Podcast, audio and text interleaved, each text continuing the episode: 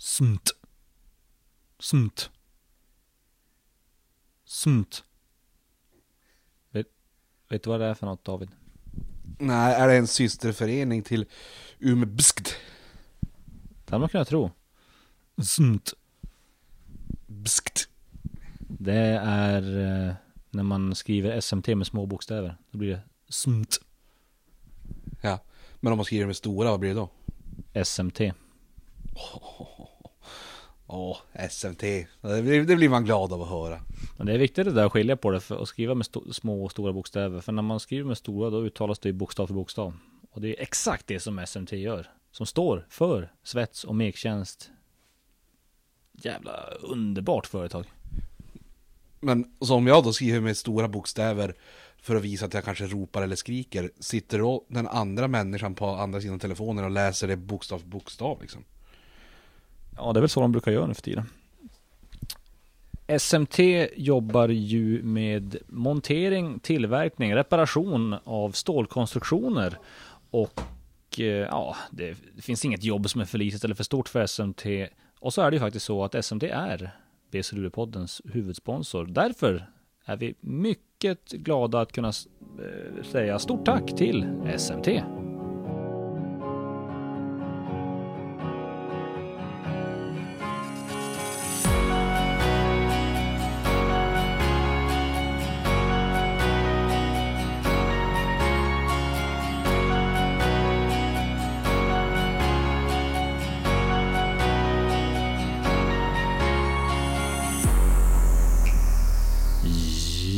Ja, hallå där basketvänner och varmt välkomna till ett nytt avsnitt av BC Luleå-podden med mig Max Wik och min gode vän David Keso Nilsson.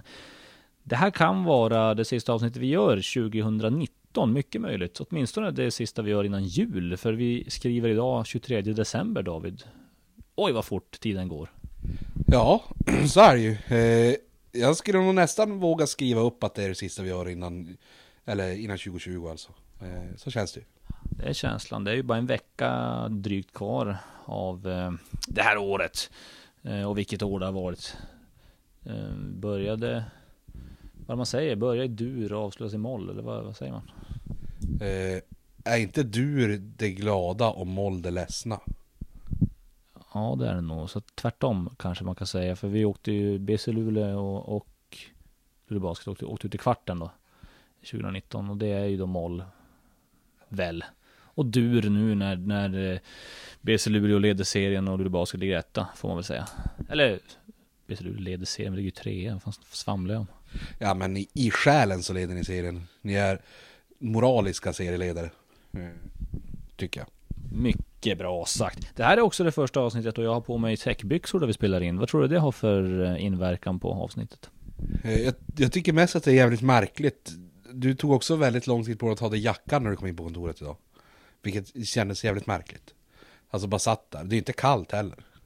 Så jag, jag vet som inte varför du håller på så här.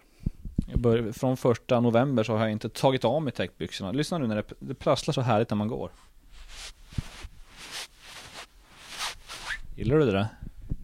Det är ett av de värsta ljuden jag vet faktiskt. Alltså jätte, jättejobbigt ljud. Det är lite förskolan man, man tänker på när man massa kids som går runt i sina täckbyxor inomhus. Ja, det är jättejobbigt. Alltså så här, det, man förknippar ju ingenting bra med förskola. Eller sådana där små barn som springer runt och härjar. Det är kaos är det. Nej, det är hemskt. Hör du David, det är väl hög tid att vi summerar. Eh, det är väl lite drygt halva säsongen har vi spelat, eh, tror jag. Eller grundserien i alla fall. Eh, halva säsongen kan vi kalla det. Men jag tycker vi ska summera hur det har gått för BC Luleå än så länge. Är vi nöjda, är vi inte nöjda och så vidare. Det vi har svart på vitt, vitt är 13 segrar, 4 förluster. Just nu tredje plats i SPL och en plats i Final Four.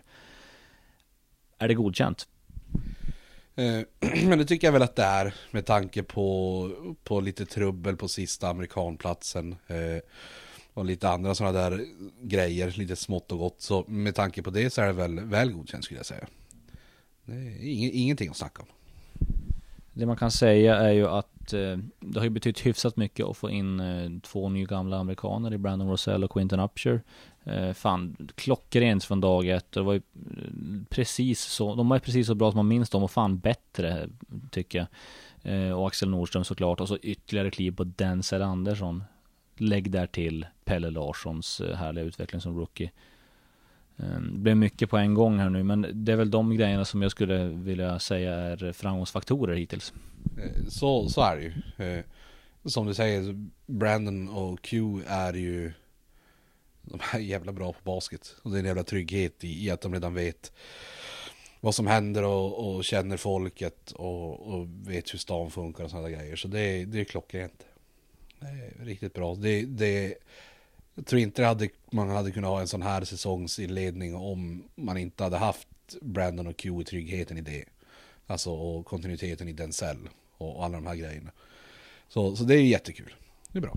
Det var ju många som höjde lite så här äh, varningens finger när vi värvade tillbaks Brandon Rosell. Det fanns de som sa att ja, han är slut och han håller inte och han, vi har sett det bästa av honom. Men eh, absolut inte. Han är ju fan bättre än när han var här första året. Det tycker jag 100% att den är. Eh, alltså, det är en sån här som, du vet ibland det finns en sån här grejer som när man stukar foten Max och så tänker man nu på, på hur det gör att stuka foten. Eh, då tänker, alltså man, man kommer inte ihåg hur ont det gör. Eller hur? Och sen när du väl stukar foten och bara just det gjorde så här jävla ont. Jag vill det.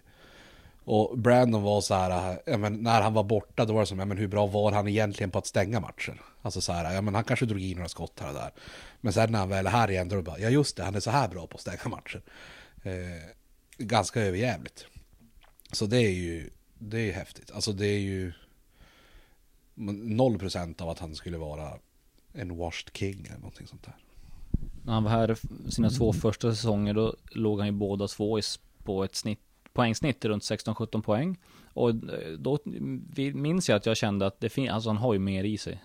Alltså fan kan han göra mer än det och det ser vi ju nu, 22 poäng i snitt. Sen kanske det inte bara är positivt att man har en spelare som är på så pass eh, som gör så pass mycket poäng. Nej, så är det ju. Grejen är att det ser så jävla lätt ut för honom alltid att göra poäng. Alltså, därför tänker man ju självklart att ja, men, ska det gå att kräma ut några, några poäng till. Alltså fyra poäng till per match kanske. Eh, men ja, det är som han är så jävla trygg i det och, och, kan ta det lugnt när det behövs ta det lugnt. Och det är som inte den här stressen som Collins hade förra året kanske. I att det fanns som bara en växel. Det blir lite, det blir lite svårt att spela så. Tyvärr. Varför tror du att Brandon är så pass bra nu då? Alltså, jag tror att, min teori är i alla fall att jag tror att han eh, har liksom, eh, är ganska nöjd med sin karriär på något vis. Han jagar ingenting längre och han är jävla, han känner sig trygg här, han vet vad han får eh, och uh, han har sett, han har varit ute i Europa lite grann och sett hur det kan vara men, men nu känner han att, ah, det, det är klart att Brandon Rosell kan spela i en bättre liga än Sverige, det är ju ingen snack om den saken. Men eh, han, han trivs bra här och jagar ingenting. Det, det är min teori i alla fall. Ja men alltså harmoniskt. Alltså det är väl ganska stor skillnad. Alltså så här, eh, men har fru och barn här va.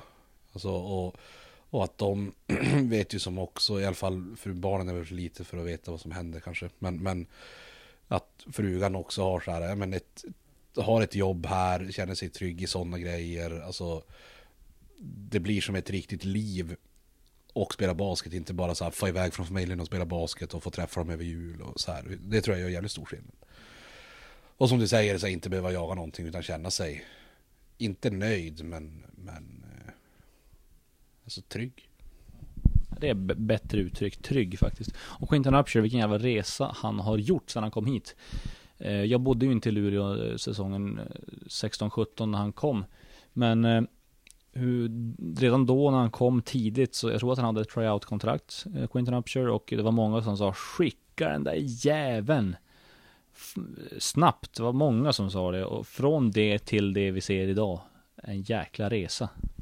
Ja, det är faktiskt riktigt häftigt. Alltså, jag kommer som ihåg i början, var inte, jag ska inte titta och säga att jag var helt övertygad att han var svinbra heller. Alltså defensivt såg man att det fanns kvaliteter men det var ju offensivt var han ju så jävla begränsad. Och om det då var att han, att han inte var trygg liksom. Eller vad fan det nu var. Eh, men skillnaden på, på den offensiva spelaren nu och då, det är så jävla sjukt. Det är som en helt annan spelare. Alltså nu är han ju som till och med offensivt bland de bättre också. Ja, defensivt är man lite bortskämd. Man räknar som med att han ska vara svinbra i försvar varje match och det är han. Det, han gör fan inte en dålig defensiv match.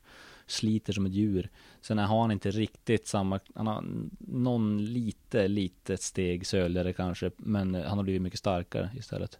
Så att, och det gör ju att han eventuellt kan försvara större killar bättre och blir kanske lite mer flexibel på det sättet. Ja, det tycker jag. Alltså det, det ser ju ut som att han har bott i ett jävla gym under vars var när han var borta. Belgien. Eh, så han har ju blivit grov som satan.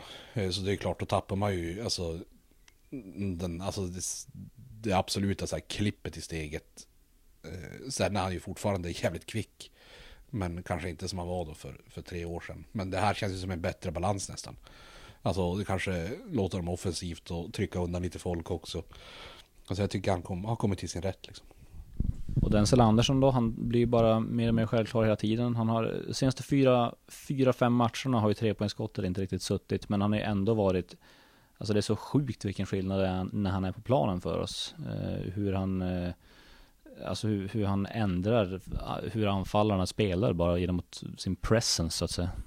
Ja, alltså han är ju Jag tycker jag är ohotat den bästa spelaren defensivt i ligan. Alltså Jag tycker som inte går att säga att någon annan är bättre. Eh, det, och så just där i hur många olika grejer man kan göra defensivt. Det, jag tycker fortfarande, alltså man, man ser fortfarande på matcher att motståndare attackerar honom Alltså från golvet, vilket jag tycker är helt jävla sinnessjukt. Det är bara så här, men har du bollen och den så spelar försvar på dig, det är bara att passa den, du kommer inte göra någonting. Alltså det är ingen idé att försöka, det är bara slöseri med tid typ. Så, nej, där är han eh, så jävla vass. Och när det gäller offensivt så kommer det ju mer och mer ändå det här som vi har efterlyst nu i något år här. Att, att få honom att bli bättre på attacker från, attackera från studs, från dribbling. Eh, eller göra grejer från dribbling snarare. Eh, det kommer mer och mer de här, eh, det var en move faktiskt eh, när vi mötte Norrköping här hemma senast. När han attackerade baseline mot Anton, Anton Sax, avbruten attack bak i ryggen, dribbling. Tryckte in saxen och gjorde mål som, det, hade man, alltså det fanns ju inte på kartan för, något, för ett, bara ett år sedan. Nej, och där tror jag väl mycket är så här att han jag vet inte om man ska säga blir varm i kläderna för han hade spelat en himla massa år. Men jag, jag tror det är sådana grejer som han, han absolut tekniskt kunde göra för ett och två år sedan. Men, men det är väl som först nu han börjar ta för sig. Eh, vilket ju, det tar ju spelet till en helt ny nivå liksom. Alltså nu är det ju som inte bara på den defensiva planhalvan och kanske skjuter in och öppet skott. Utan nu kan han ju skapa själv. Eh, och det, är ju, det är ju, ger ju en helt annan dimension till den sen. Liksom. Om vi nu ska eh, täcka alla de här som jag slängde ur mig ganska snabbt där, då har vi kvar Axel Nordström och eh, Pelle Larsson och vi har varit inne på det förut, men eh, den playmaker som Axel Nordström är, framförallt från posten, det jag, jag hade inte sett han nog mycket i Uppsala för att kunna liksom, uppskatta hur duktig han är på det. Nej, alltså nu vet jag inte hur hård man ska vara, men hur många fanns det att playmaka till där? Alltså så här, det, sånt där blir ju lättare när du är omgiven av bättre spelare, vilket han ju tveklöst är nu. Eh, och så så här, skönt att han, han känns som själv ganska trygg också i det här att jag menar, han behöver inte producera 20 plus 10 varje match. Utan han är väl mer en i gänget. Men då är han ju så jävla bra att ha som en i gänget. Alltså skicka några bågar, slå några bra pass, tar alltid mycket returer. Jag tycker det är som han, och det känns som att han har hittat hem. Skönt, jag blir glad. Han har ju flyttat hem så att det stämmer ju det du säger. Ja, alltså och det var ju mycket, han kände ju så här, ja men alltså basketen okej okay, men kebaben framför allt. Och det är kul att man som, att det är det som fäller avgörandet liksom. Det är kanske därför han är så, så trygg att vara här. För att han vet att efter varje träning och match så kan man gå till kebabhuset och ta en, en riktigt jävla fin kebab. Det är många som pratar om Luleå som Sveriges baskethuvudstad, men vi är ju också Sveriges gastronomiska huvudstad. Det känner inte alla till. Nej, så är det. Eh, det är som inte bara kebab. Alltså Max hamburgare, eh, Bastard Burgers, eh, pizzabakaren. hemma, alltså det är ju hur mycket som helst. Här ju. Det är ju överallt. Man kan som inte ens gå någonstans inne i stan utan att bara Och just det, där är en trestjärnig Michelin-krog. Och just det, där är en till. Och där är en till. Det är som överallt. Alltså, jag vet, det, det, det går som inte att förklara om man inte har varit här. Det är ett jävla smultronställe. Och kronan på verket var ändå faktiskt, jag tror det var igår när Axel Nordström skickade en, på Messenger till mig ett meddelande. Han var borta i Uppsala får vi väl säga då för att fira jul. Eh, med några andra förlorade själar. Och då skickade han en bild på att han hade tagit med sig orientdressingflaskan och eh, ja, skulle stoppa på det. Alltså, riva, han sa när han beställde pizza i Uppsala, ingen jävla vit sås eller röd sås eller vad det är. Jag har med mig orientdressing och så, och så bara matade han på två, tre deciliter. Och så var det go time. Och det, det gör ju att man blir jävligt stolt som Lulebo. Alltså det är ju, jag kan inte förstå att folk inte uppskattar storheten i orientdressing. Alltså du hör ju bara så här, alltså vit sås och röd sås, vad är det för någon jävla, det är helt, det är helt sinnessjukt. Det är ju ingen smak, det är orient, oj helvete nu kommer det massa grejer till med här kryddor, gott, eh, vit sås, vad fan smakar vitt? Det är bara, jag inte fan, det hade ju lika gärna kunnat vara så här äh, vattenfärg, bara spökvatten typ. Jävla piss. Det är väl ungefär det det är också. Och sen ska vi inte glömma att nämna Pelle Larsson då, på tal om orientdressing. Han har ju också, ja, alltså, man våg, man ville ju tro att han skulle vara så här duktig, men han har ju faktiskt, och det har han ju varit, men, men samtidigt så, man, man ville men vågade inte riktigt kanske, eh, tror det. Vad tycker du har eh, stuckit ut med honom efter halva säsongen? Eh, nej men jag, jag tycker just det här att han i situationer där många hade blivit fega så, så kör han som bara på. Alltså våga försöka slå något häftigt pass när det är två minuter kvar av en viktig match. Alltså, och då kommer det gå åt helvete ibland, men det är lite så det funkar. Alltså det kommer inte bli bra varje gång, men just att han som vågar skapa och vågar testa nya grejer och köra på. Jag tycker sen han kan vara ännu mer aggressiv. Alltså jag tycker han skulle kunna alltså, försöka attackera ännu mer och så här. Men, men just den här grejen att när han väl gör det så är han ju inte feg. Utan han, då släpper han ju och bara kör. Men det tycker jag skulle kunna hända lite oftare. Mycket bra sagt David. Det som du var inne på i början där är också något som jag har skrivit upp i mitt eh, lite taffliga manus här. Att BC Luleå har inte riktigt hittat rätt på den tredje amerikanen. Quinton Upshur och Brandon Rosell, magiska tredje amerikanen. Där har vi haft lite svårt. Allra senast då Austin Burgett. Som har skickats hem också. Han hade ett tryout-kontrakt, även han, som gick ut här i 17-19 december någon gång. Eh, och nu är vi på jakt efter en ny. Och eh, som jag ser det så kan vi gå två vägar nu. Antingen så tar vi en Big 205 och sånt där. Eh, eller så tar vi en lite mindre, 1,96 rörlig kille.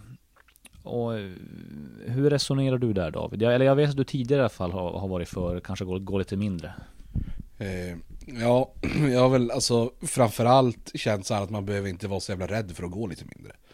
Um, sen det riktiga svaret är väl att jag tycker att man i det här skedet på säsongen ska bara gå efter den bästa spelaren du hittar. Och är det en 4-5 så är det en 4-5, är det en 3 så är det en 3. Alltså, då får det bli lite vad det blir. Laget är ju så nu att du kan som stoppa in en pusselbit lite var som helst och så bara flytta runt lite. Alltså Q kan spela två eller tre. Alltså det, det går att skapa. Det, du är som inte låst att det måste vara en sån här spelartyp. Och då tycker jag verkligen inte att man bara ska sätta sig själv i, i sitsen att ja, nu måste vi ta en stor spelare men den här killen som är 1,96 skulle absolut kunna vara svinbra. Så, så mm, ta bara det bästa man hittar så blir det bra. Om vi leker en lek här då att eh, om vi tar en big, vilka skills vill du att den, den biggen ska ha? Eh, och nu kan vi vara lite realistiska här och inte bara säga att det ska vara Kristaps Porzingis. Ja, jag tänkte säga exakt, exakt Kristaps. Så 2.30, skjuter treor, rörlig ute på golvet eh, och sådär. Nej men jag, alltså jag vet inte, jag tycker inte det är så jävla viktigt. Eh, Alltså man, man, för att han ska passa in i spelet så måste han ju kunna röra på sig. Eh, för att han ska passa in i spelet måste han eh, ha något slags huvud i alla fall och inte eh, som, som britten förra året bara fånga bollen och skjuta varje jävla gång han inte vet vad han ska göra. Eh, så spelsmart, gärna skytt, eh, behöver absolut inte vara någon brunkare. Alltså, men Men i alla fall kunna ta någon smäll. Men, men, men jag tycker inte det behöver vara någon så här megabrunkare. Det tror jag inte man vinner svin mycket på i slutändan. Men det jag vet inte. Något sånt. Och det, eh, säger du samma sak när du, om vi tänker en mer 96 kille eller vad, vad vill du ha där? Eh, ja men då, ja alltså det, så länge han är bra är jag som nöjd. Alltså sen så här om det då är en kille som en jävla slasher bara så här, attackerar och dunkar så utav helvete och springer och spelar bra försvar. Eh, så kommer det passa in bra. Är det en mer ren skytt så kommer det också passa in bra. Alltså jag tror lagbygget nu är jävla flexibelt i vem man kan ta in liksom. Det känns som att vem man än tar in så blir det nog bra. Så länge det är en bra spelare. Du kan ju inte ta in vem som helst. Spurlock kommer inte vara bra om man tar in Spurlock. Men vilken spelartyp som helst kan du nästan ta in. Är det viktigt att den här spelaren kan get buckets? Det är ju det viktigaste. Det och att den här spelaren är införstådd i att orientdressing är överlägset allt annat i hela jävla världen. Det är det viktigaste. Ja, jag ska ta och försöka få in det på något vis i, i, i mallen som vi har när vi letar efter spelare. Det är inte jag, jag har ingenting med rekryteringen att göra som sagt var, men jag ska se om jag kan påverka lite från sidan. Annars tycker jag ett grepp skulle kunna vara när du har kommit ner till så här tre, fyra spelare eller, eller vad man nu kommer ner till i slutändan och så då kanske du bara skickar en liten, liten skål med orientdressing åt alla. Och så, så, här, så har du en spelare som vill komma hit som kanske skulle vilja ha 3000 dollar. Men så fanns smaka orientdressingen och bara oj shit, finns det här där? Nu kan jag spela för 2000 i månaden. Det är ju perfekt liksom. Kanske, man kanske slänger in, du får en sån här stor jävla, du vet en sån där som inte ens ryms i kylen. En sån med orientdressing i veckan kanske du kan få. Och det är ju värt mycket pengar liksom. Och det är ju lite ekonomiskt smart också. Guldet från Orienten som det kallas i folkmun. Exakt. Och det är också så här, rätt vad det är, kanske om man, om man gör något sponsoravtal, kanske får betalt helt i Orientdressing. Får bara, istället för att få 3000 dollar i månaden kanske man får så här, 3000 dollar värt för orientdressing. Det är ju ganska mycket orientdressing. Alltså 30, hur mycket orientdressing får du för 30 000 spänn? Det här måste jag nästan räkna på sen. Jättemycket antar jag. Ja, det blir, man får ju ha någon sån här hinklösning. Jag har sett kanske ibland att man har så här hinkar med dressing. Det skulle kunna tänka mig att man kan ha flera sådana. Ja. Alltså jag, jag, jag, skulle nästan tro att det blir så här, det blir ett badkar. Alltså, det blir säkert 300 liter. Eh, tänk bara ha ett badkar hemma med orientdressing. Var du än äter så går du bara, åh vänta jag ska bara gå in på badrummet. Varför ska du äta i badrummet? Nej jag ska bara hämta orientdressing. Så har du ett stort jävla badkar där. Det hade ju varit helt jävla otroligt vinnare i livet kan man säga. Um, ja, det ska oavsett bli spännande att se vad det blir för tredje amerikan som vi får in här i BC Luleå. Det är ändå det är en ganska viktig position ändå, eller position, det är en ganska viktig spelare. Det måste, det måste ändå bli rätt på något vis. Det behöver inte vara världens bästa spelare, men det måste vara rätt spelare. Om vi säger så. Um, sen kan vi kanske inte eh, undvika att prata om den stora snackisen i svensk basket just nu. Och det är ju vad som händer i Djurgården. Eh, en ordförande har hoppat av. Eh, Charles Bartons plats verkade mer eller mindre vara bortgiven till Stefan Bergman enligt uppgifter. Men Charles Barton är kvar. Nu ber man om pengar via Swish för att kunna överleva.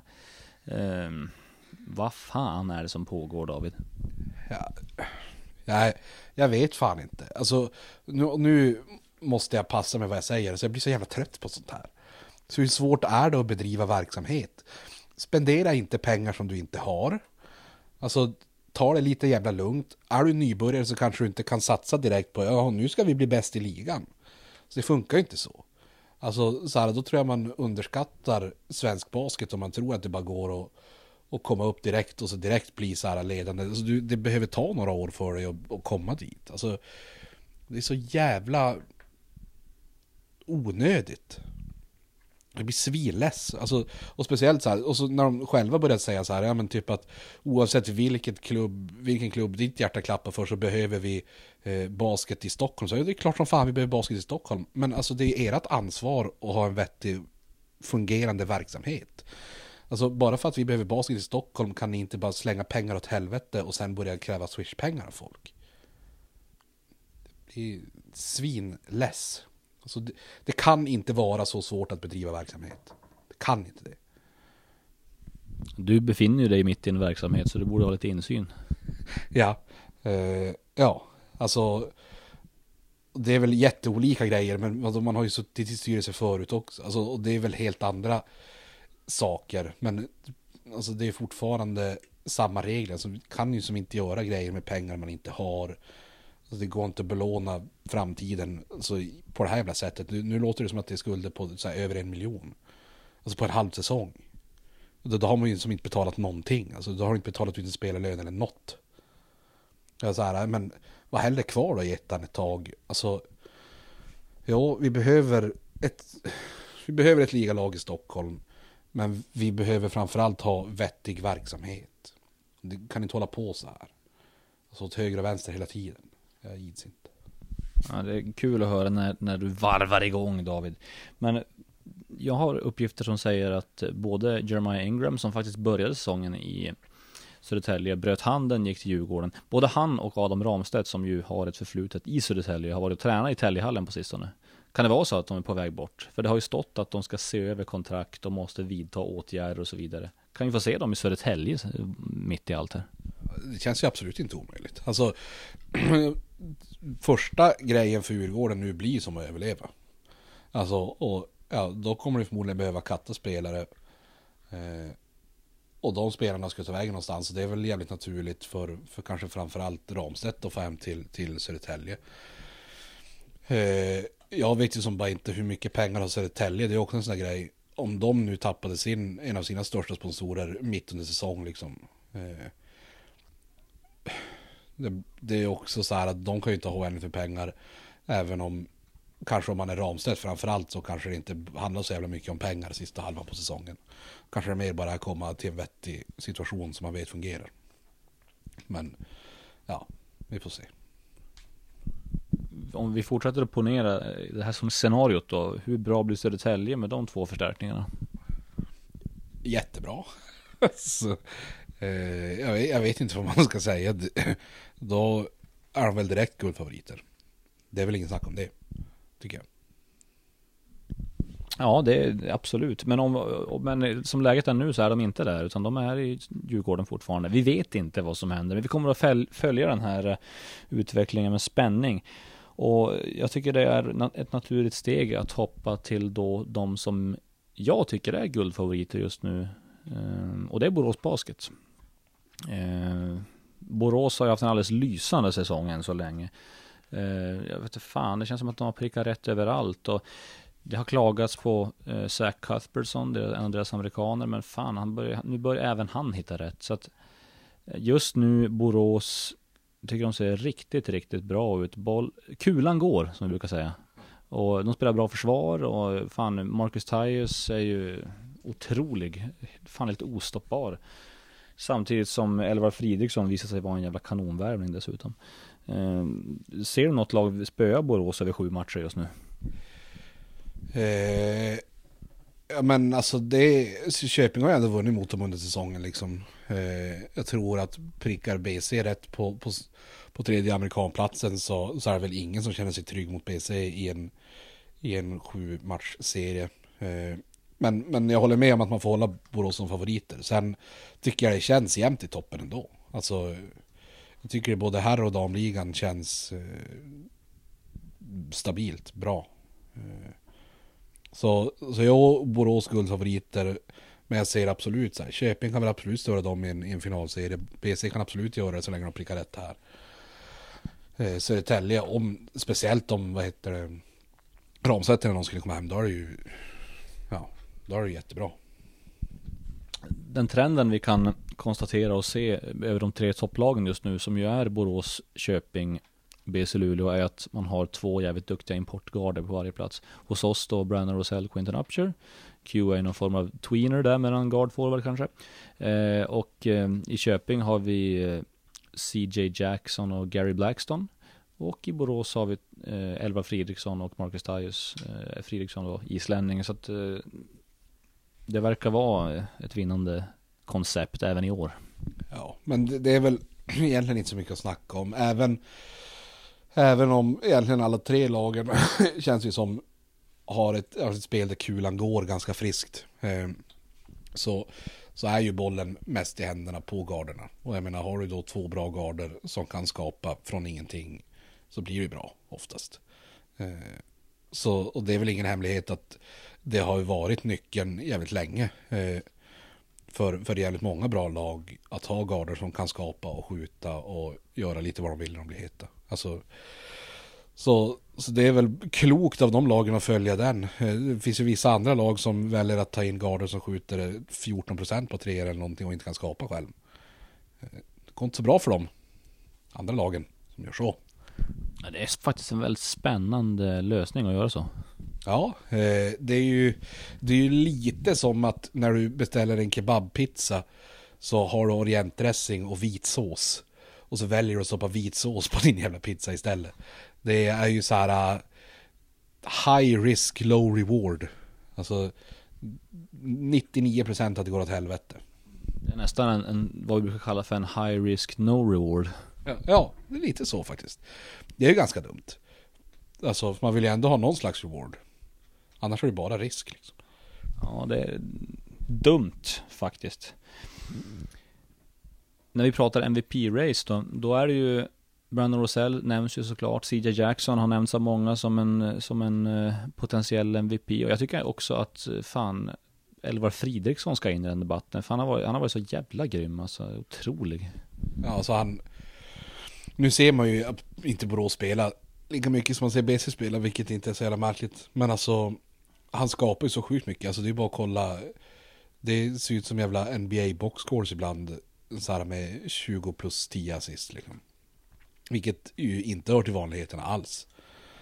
Eh, så, så nog måste han väl absolut vara där. Men det är alltså, och CJ som du säger, Tyus är ju som där, Rosell är ju som där. Alltså, det är ju de där importgarderna som alltid typ. Vem tycker du leder just nu? Ja, det är väl ja, kanske Jackson då? Alltså jag vet inte. Det, då, då blir det lite grann narrativet också av att Köping inte förväntades vara så här bra måste vi väl ändå få säga. Eh, men att man ändå fixar att leda laget sådär. Det, ja, något sånt kanske. Det är tråkigt att vara Tyus och Rosell. Det är svintråkigt. Så jag vet inte. Ja, jag köper ditt resonemang. Hur som helst, Borås leder serien. Men inför vårt möte med dem på bortaplan senast, då sa Henrik Svensson bland annat så här. Luleå har verkligen visat sin nivå i år. De har i princip fyra spelare som skulle kunna vara SPLs MVP. Eh, så sa han också att vi hoppas att vi ska kunna utmana dem. Han kallade BC Luleå för den stora guldfavoriten. Och eh, ja, jag vet inte. Det är väl mest sorgligt att se hur han går i sina stora idoler Adnan Chuk och Vedran Bosnic skola. Eh, jag vet inte, vad tycker du David? Det där är ju bland det sjukaste man har läst. för det där var ju skrivet i text va, eller hur? Man hade velat se om, om han gör det där med glimten i ögat. Det framgår ju inte i, texten liksom. Men är det en film då hade man, för jag hoppas ju att han som driver med sig själv. Eller hela grejen, alltså med det här när han säger så. Han kan ju inte vara allvarlig. Jag hoppas att det, att det är någon form av, eh, att han står och garvar när han säger det här. Ja, alltså det får man ju nästan kyligt räkna med. Alltså det går ju inte att stå och säga sådana där grejer med, med rak min liksom. Det är ju jättemärkligt. Ja, alltså det, det här, alltså, är det verkligen den enda, psyko, den enda psykologiska liksom power moven som folk klarar av att göra? Att, att lägga över favoritskapet på de andra som coacher. Det verkar vara det enda man gör i, i svensk basket. Ja, jag tycker ju... Ja, alltså tydligen så är det så. Det är ju svintråkigt. Men hur svårt är det att bara äga att man är bra? Alltså, och sen behöver man ju inte säga att man ska pissa på alla. Men, men alltså, nu vet ju inte om de är bra. Jag tycker det är bara så här... Jag tycker man säljer sin egen produkt så jävla kort också. Jag tycker hela, hela grejen, jag hatar hela grejen. De vann ju med 19 mot oss bortaplan och sen så ska de hoppades de att kunna utmana oss efter det. Ja, det är ju, det är ju absurt alltså. Det, nu lovar jag dyrt och heligt om Max att om jag någonsin hamnar i en situation att man blir intervjuad av tidning inför matcher. Då, då lovar jag att jag kommer aldrig säga sådana här saker. Aldrig. Om, om det inte är sant. Vilket det kan. Ibland är sånt där sant.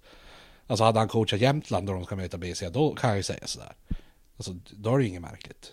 Men Borås är ju för fan jättebra. Ja, jag ser hur du, hur du börjar få utslag över hela armarna när du, när du hör det här. Ja men jag tycker det är svintråkigt. Det, och så är det en sån där grej som man, man, det dyker upp hela tiden, man får som aldrig vila från det heller. Det är ju samma som, som dåligt skötta föreningar. Det är ju överallt hela tiden. Och så blir man less och så får man som aldrig, det dyker upp som svampar i skogen, ploppar upp. Nej man blir matt, det är vad man blir. Men vi lämnar det ändå tycker jag. Och det är så här David, att jag spelade in en liten julhälsning med Tim Kearney precis innan jul här. Eh, den blev väl sådär får man väl säga. Eh, framförallt video, filmkvalitetsmässigt med mina, med mina högst bristfälliga filmkunskaper och ljussättning och hej och hå och hela den där faderullan. Och, och sen, så ett sen så blev det så att Tim i sista stund då sket i mitt manus. Och eh, körde ett, e-, en egen liten, en liten julhälsning. Och eh, jag hade förberett faktiskt tre grejer som jag tänkte dra här nu istället då. Och vi kör som en lek. Jag hade, jag hade förberett Tims uh, hårda klappar. Han skulle dela ut uh, julklappar till tre lag i ligan. Och det är då Borås Basket, Södertälje Kings och Köping Stars. Jag tänker så här att jag läser upp de här rimmen som det är. Det är julklappsrim. Ja. Och så utelämnar jag några ord där så får du gissa vad det är för någonting. Ja. Och till vem kanske. Det tycker jag också. Och till vem? Det kommer jag på bara nu. Eh, så jag får utelämna lite ord här och där. Yes. Då börjar vi. Regn, regn och åter regn. Att bo i pip är verkligen ingen fröjd. Och maten i stan gör ingen nöjd. Ni behöver lite kärlek från en äkta Norrbottensgrabb. Varsågoda, direkt från Orienten, en pip. Vad tror du? En kebab till Borås. Fan vad bra du är. Det där var så jävla snabb. Ja, alltså jag är ju... Jag har ju sagt det förr, jag säger det igen. Min hjärna är ju som en jävla dator. Eh, och en ny snabb dator också, inte en sån här gammal eh, jävla skitdator. Utan en riktigt jävla bra dator. Eh, men sen är det också, alltså så fort du sa regn så fattade jag fattar jag, men det här är Borås. Alltså det regnar ju hela tiden i Borås. Det är superdeppigt. Och så fort du sa att maten inte gör någon nöjd, då fattar man att ja, men det är ju Borås. Det kan ju inte vara någon annan stad i alla fall. Alltså på, på alla andra ställen man har varit i, där finns i alla fall god mat om man letar lite grann. Men alltså Borås är ju helt jävla hopplöst. Det är, det är bättre att bara så här, gräva upp lite jord på någon jävla gräsmatta och äta det. Det är godare. Otroligt bra sagt. Vi går vidare till nästa. Ni skryter med egna produkter, SM-guld och linnen i taket. I staden med kringlor älskar man basket. Men det saknas något i tut, Egenborg. Här får ni en normalhög tut. Vad, vad tror du det är då? Eh, en normalhög basketkorg till Södertälje. Två av två. Stekhet är du. Ja, men jag är ganska vass. Eh, det här var inte heller så svårt Max. Eh, för att de skryter hela tiden med egna produkter som egentligen kanske inte är egna produkter. Så det är häftigt att man kan göra det liksom. Och så har de ju faktiskt en jätte, jättelåg korg också. Så att ja, det var bra. Ja, sista då. Det blir inte så svårt att gissa till vilket lag det här är men du kan gissa vad det är. Ja, det här rimmet är jag inte så nöjd med faktiskt. Julen är här med allt vad det innebär. Skinka, tomtar, snö och must. I mm, har många lag fallit med mycket möda och stort besvär. Från BC Luleå får ni därför en pip. Vi ses den 27 december. Rim, rimmet hoppade över två, eh, eller en rad på service. Ja. Så det var en rad som jag inte fick höra där? Nej, du fick höra. Det var bara ett ord du inte fick höra. Jaha, jaha, ja du menar så. Oj, för, för nu, det rimmar alltså inte på besvär? Ja, då var det svårt. Det rimmar på must. Must, det är just i Köping är det ju. Eh. Nej, jag vet faktiskt inte.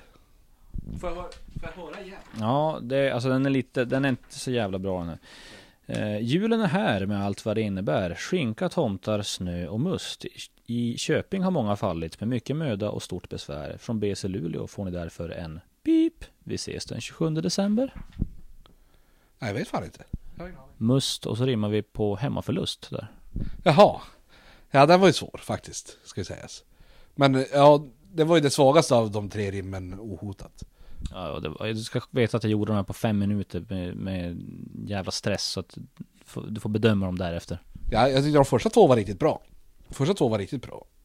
Köping-rimmet direkt dåligt. Men det var ju, det var ju tidspressen då som kom in där kanske. Ja, även en... eh, Även solen har sina fläckar som man brukar säga.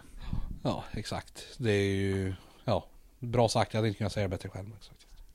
Och med de orden så tycker jag vi tar lite julledigt här. Vi, vi säger god jul och stort tack till alla er som har lyssnat på det här avsnittet av BC Luleå-podden. Jag heter Max Wik, min gode vän, han heter David Keso Nilsson och hu- vår huvudsponsor, ja, det är SMT. Vi säger på återhörande!